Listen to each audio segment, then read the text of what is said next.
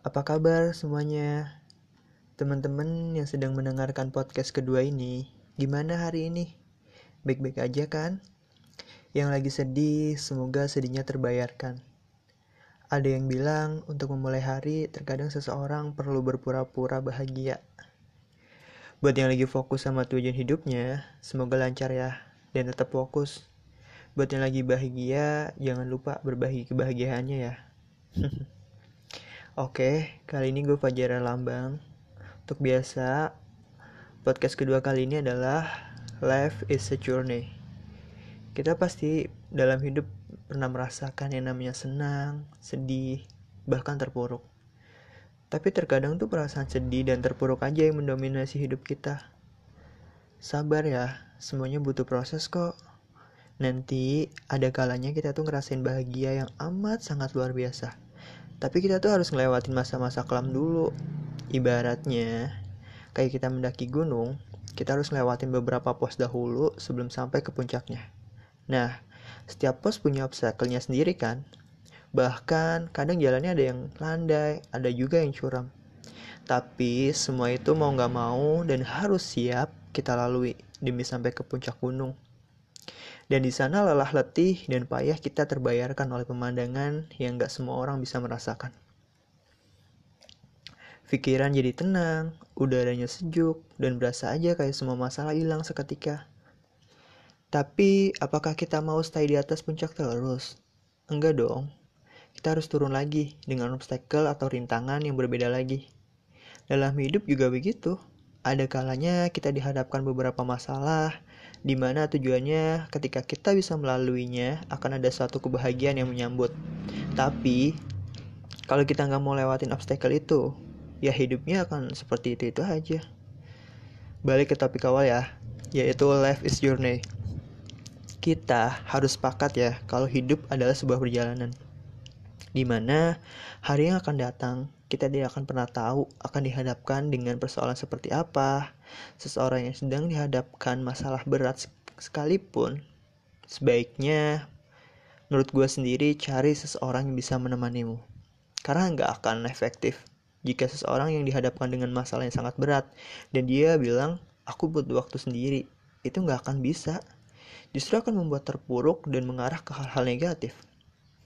Terkadang memang sulit mencari seseorang yang bisa kita percayai.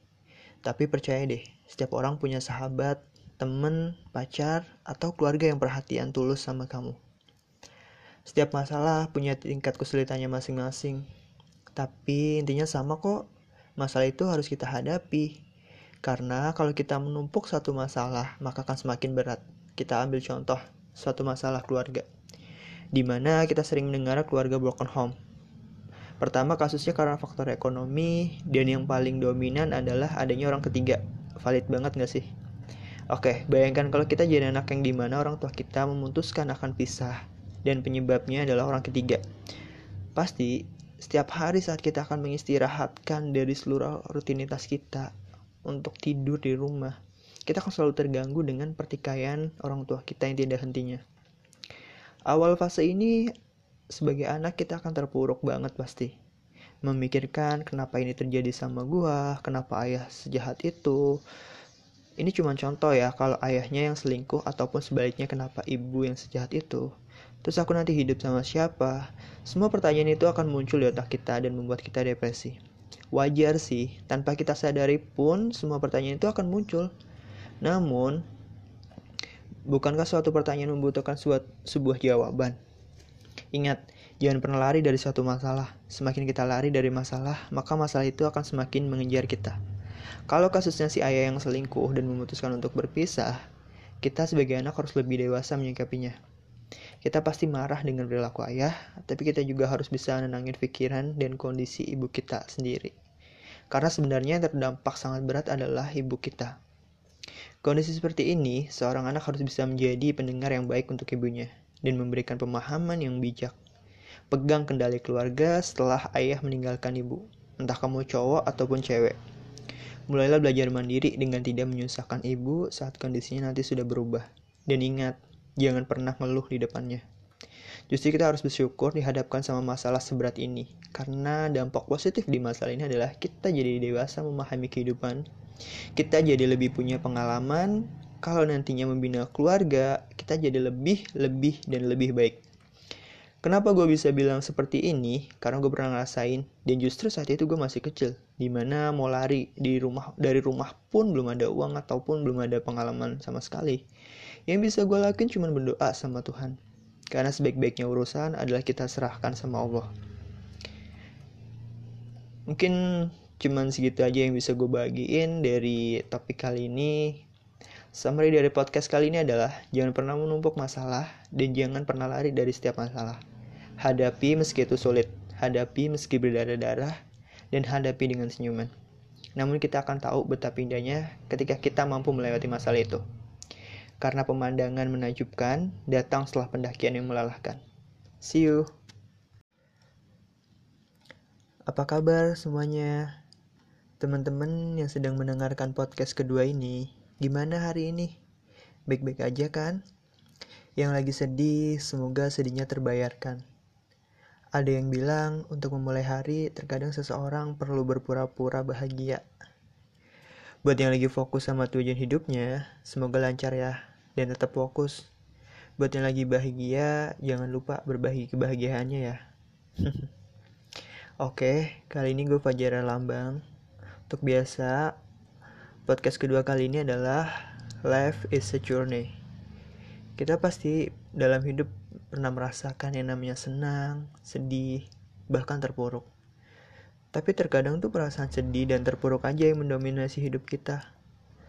Sabar ya, semuanya butuh proses kok. Nanti ada kalanya kita tuh ngerasain bahagia yang amat sangat luar biasa. Tapi kita tuh harus ngelewatin masa-masa kelam dulu. Ibaratnya, kayak kita mendaki gunung, kita harus ngelewatin beberapa pos dahulu sebelum sampai ke puncaknya. Nah, setiap pos punya obstacle-nya sendiri kan? Bahkan kadang jalannya ada yang landai, ada juga yang curam. Tapi semua itu mau gak mau dan harus siap kita lalui demi sampai ke puncak gunung. Dan di sana lelah letih dan payah kita terbayarkan oleh pemandangan yang gak semua orang bisa merasakan. Pikiran jadi tenang, udaranya sejuk, dan berasa aja kayak semua masalah hilang seketika. Tapi apakah kita mau stay di atas puncak terus? Enggak dong. Kita harus turun lagi dengan obstacle atau rintangan yang berbeda lagi. Dalam hidup juga begitu. Ada kalanya kita dihadapkan beberapa masalah, di mana tujuannya ketika kita bisa melaluinya akan ada suatu kebahagiaan yang menyambut. Tapi kalau kita nggak mau lewatin obstacle itu, ya hidupnya akan seperti itu itu aja. Balik ke topik awal ya, yaitu life is journey kita harus sepakat ya kalau hidup adalah sebuah perjalanan. Di mana hari yang akan datang, kita tidak akan pernah tahu akan dihadapkan dengan persoalan seperti apa. Seseorang yang sedang dihadapkan masalah berat sekalipun, sebaiknya menurut gue sendiri cari seseorang yang bisa menemanimu.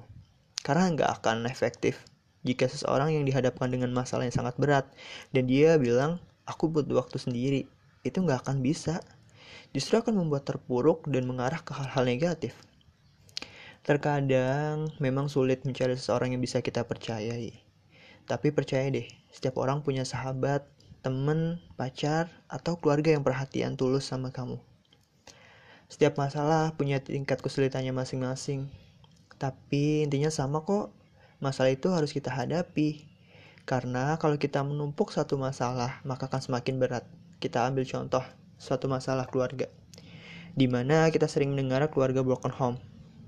Pertama kasusnya karena faktor ekonomi, dan yang paling dominan adalah adanya orang ketiga.